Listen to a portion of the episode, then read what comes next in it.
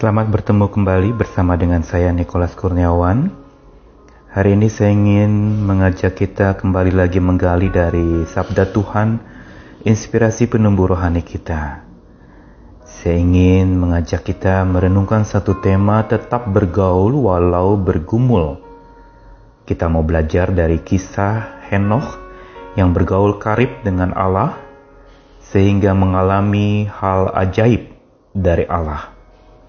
Dengan satu kutipan yang ingin kita renungkan bersama, hidup bergaul karib dengan Allah berarti hidup selalu menyenangkan hati Allah, sekalipun hidup sedang tidak menyenangkan dan banyak masalah. Hari-hari ini kita memang sedang dihadapkan kepada banyak pergumulan demi pergumulan hidup.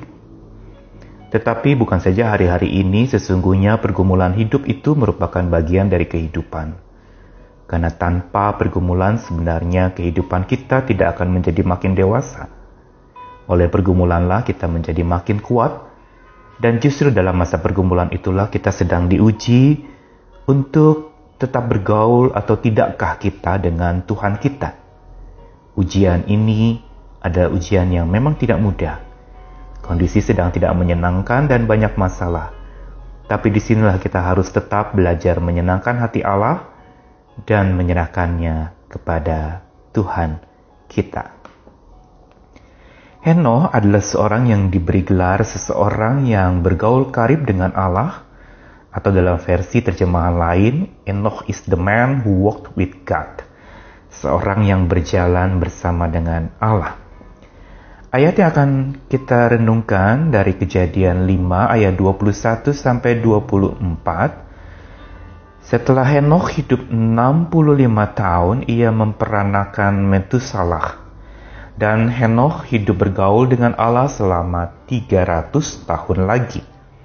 Setelah ia memperanakan Metusalah, ia memperanakan anak laki-laki dan perempuan.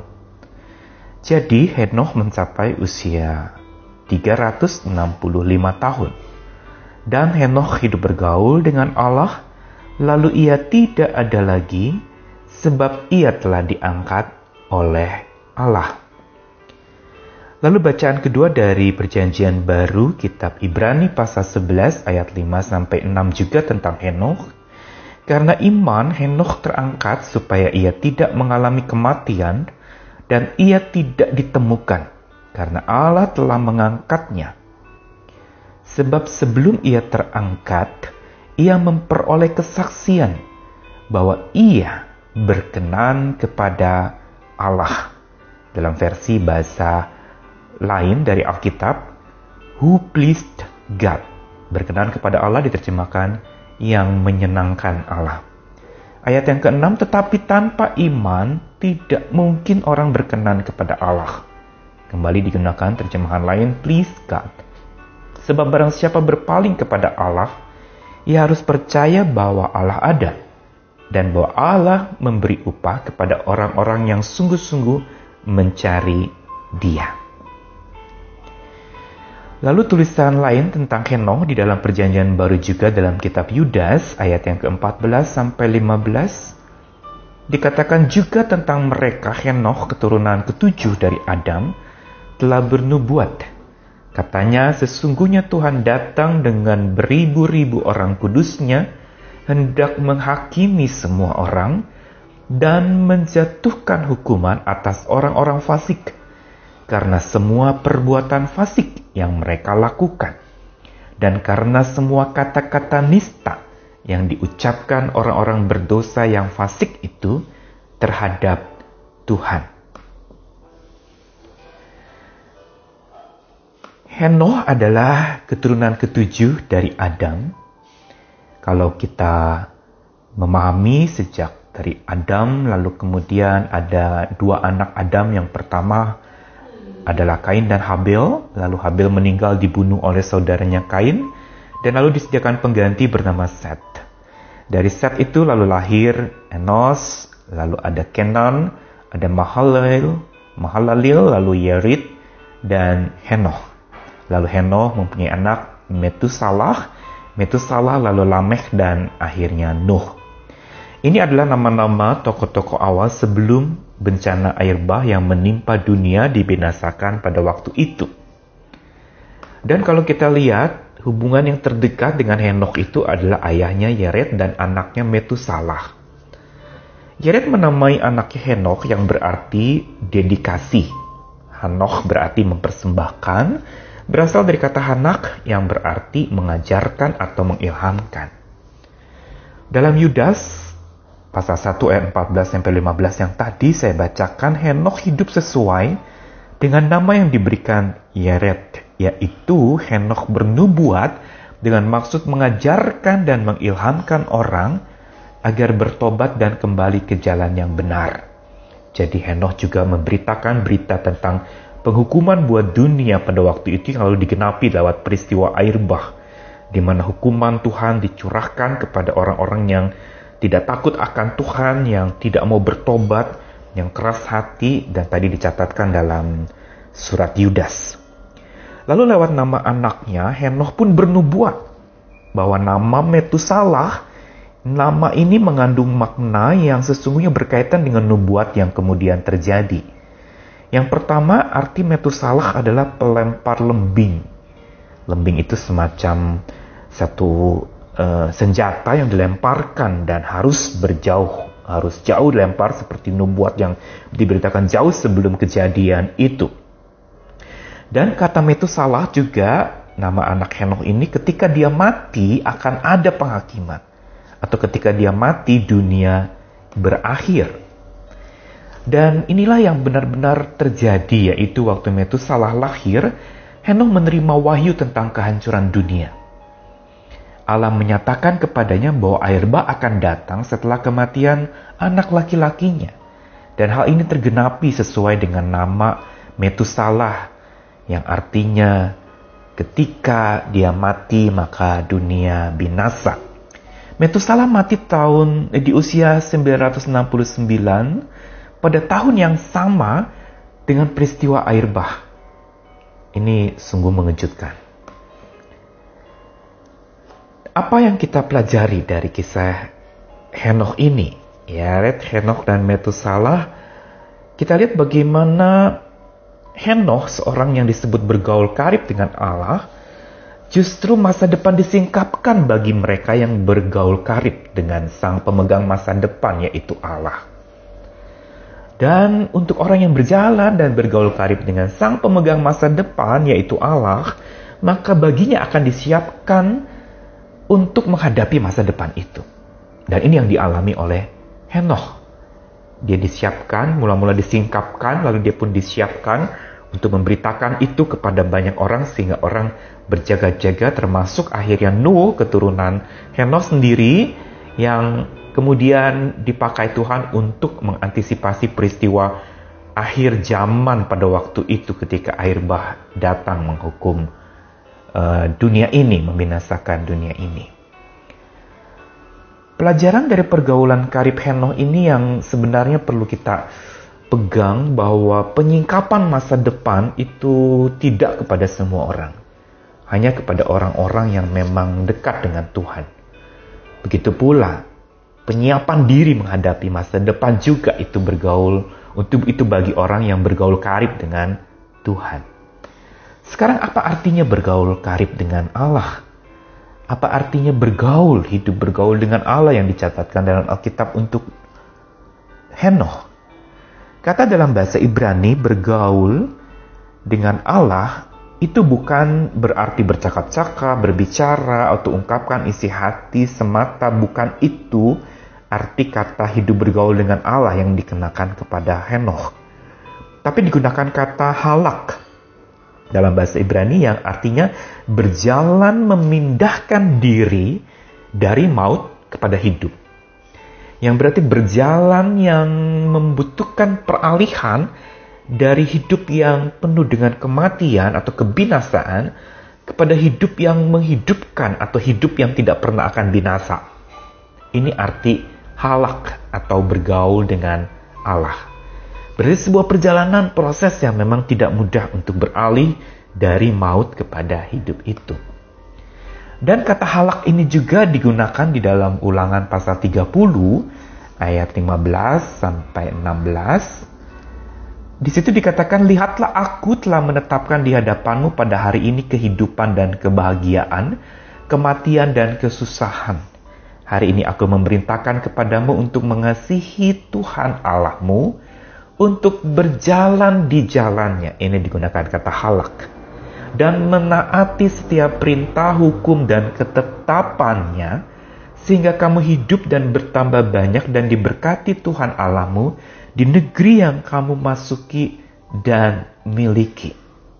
Inilah arti halak tadi, berjalan di jalan Tuhan, mentaati perintahnya, hukum, dan ketetapannya, hingga kita hidup dan bertambah banyak diberkati Tuhan, sampai kita masuk ke tempat yang Tuhan sediakan untuk kita.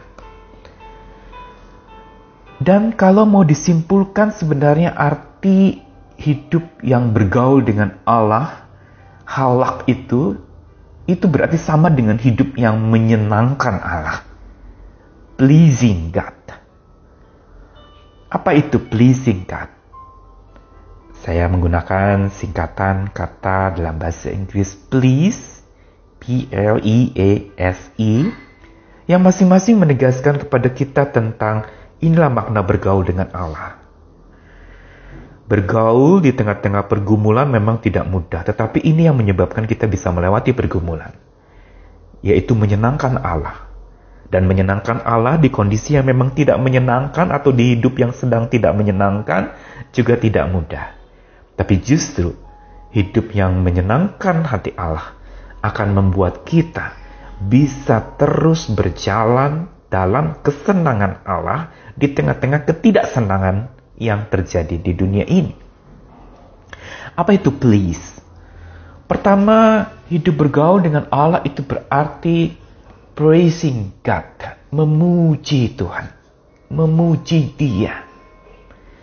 Ini yang harusnya memang kita tetap lakukan di tengah-tengah kondisi yang sedang tidak menyenangkan. Kita tetap harus memuji Tuhan kita. Memuji yang bukan sekedar nyanyian, tapi memuji dari hati mengagungkan dia, membesarkan nama Tuhan. Karena itu pujilah dia. Yang kedua adalah loving God. Mengasihi Tuhan. Mengasihi dia. Ujian kita terbesar pada saat penuh pergumulan adalah mengasihi. Ketika kita sedang butuh dikasihi, kita menjadi defisit untuk mengasihi, kita menjadi kurang untuk mengasihi. Tapi Tuhan justru menguji kita dalam kondisi-kondisi yang penuh kebencian, kondisi yang penuh ketidaksenangan ini kita diminta untuk tetap punya kasih yang kita bagikan. Lalu yang ketiga adalah mengalami Tuhan, experiencing God. Mengalami Tuhan inilah sebenarnya yang dialami juga oleh Henokh. Dia bukan sekedar berjalan mendengarkan suara Tuhan berbincang-bincang, tapi dia benar-benar mengalami Tuhan bersama dengan dia. Bahkan kita lihat sampai ujung hidupnya, Heno itu diangkat ke surga. Dia tidak mengalami kematian seperti manusia biasa karena pengalamannya dengan Tuhan itu begitu dalam, begitu kuat, sehingga tidak ada waktu buat dia untuk lalu kemudian tersesat atau mungkin mengumpat atau penuh dengan berbagai macam keberatan hidup, tetapi dia sungguh-sungguh mengalami Tuhan sampai akhir hidupnya pun dia mengalami. Begitu juga saat ini ketika pengalaman hidup kita sedang berantakan penuh dengan pengalaman-pengalaman buruk, mari kita tetap alami Tuhan yang selalu tersedia buat kita dan bersedia menolong kita. Kita boleh punya pengalaman yang buruk, tetapi alamilah Tuhan di tengah-tengah pengalaman yang burukmu. Di situ engkau akan menemukan kelegaan dan hikmah atas segala pengalaman buruk yang engkau hadapi dan alami. Setelah mengalami Tuhan, kita juga menyediakan diri bagi Tuhan, available for God. Menyediakan diri buat Tuhan berarti kita benar-benar menyodorkan diri kita, menyajikan diri kita menjadi pemberita-pemberita, menjadi hambanya untuk tetap memberitakan Tuhan di tengah-tengah kondisi yang penuh derita ini. Berita tentang Tuhan itu penting untuk kita selalu bagikan. Sediakanlah dirimu untuk tetap bersaksi di tengah-tengah kondisi-kondisi yang penuh dengan berbagai macam kesulitan ini. Tetap jadi saksi Tuhan, sediakan dirimu untuk Tuhan. Menyenangkan Tuhan atau memperkenankan Tuhan yang menjadi dampak atau radiasi bergaul dengan Tuhan, itu juga dinyatakan dalam bentuk melayani dia. Serving God. Bahasa kasih yang Tuhan kehendaki dari kita bukan sekedar uh, mengatakan kata-kata cinta buat Tuhan, tetapi melayani dia dengan segenap hati, menjadi hambanya, merendah diri di hadapannya. Melayani berarti membiarkan dia bertata penuh atas hidup kita dan kita hambanya melakukan apa yang dia mau kita lakukan sebagai hamba-hambanya. Saat ini ketika kita sedang bergumul dengan masalah yang hampa, yang penuh dengan penempaan-penempaan yang berat, kita sedang ditimpa masalah. Di sini kita belajar tetap menghamba kepada Tuhan. Bila kita tidak menghamba kepadanya, kita akan menghambat Tuhan bekerja lewat kondisi yang sulit ini. Mari kita menghamba supaya Tuhan bisa bentuk kita seperti bejana yang di tanah liat di tangan penjunan dibentuk Tuhan jadi seperti yang Tuhan mau. Menghamba kepadanya melayaninya. Dan hidup bergaul dengan Allah dinyatakan juga bukan saja melayani Tuhan tetapi memberi diri diberdayakan oleh Tuhan. Dikuatkan. Ini yang perlu kita lakukan. Di masa penuh pergumulan, di masa yang sedang tidak menyenangkan ini, kita butuh daya yang dari Tuhan dan status satu yang kita bisa andalkan hari ini. Bukan manusia, bukan dunia ini, bukan jalan keluar dari lembaga-lembaga di mana kita berada hari ini atau lembaga-lembaga buatan manusia. Tapi kita perlu diberdayakan oleh Tuhan. Pemberdayaannya itulah yang memberi kepada kita sebuah kekuatan. Mari kita belajar hidup bergaul dengan Allah seperti yang Henoh lakukan memuji Tuhannya, mengasihi senantiasa, mengalami Tuhan dalam kondisi yang sulit ini, menyediakan diri baginya, melayani Tuhan, dan diberdayakan olehnya.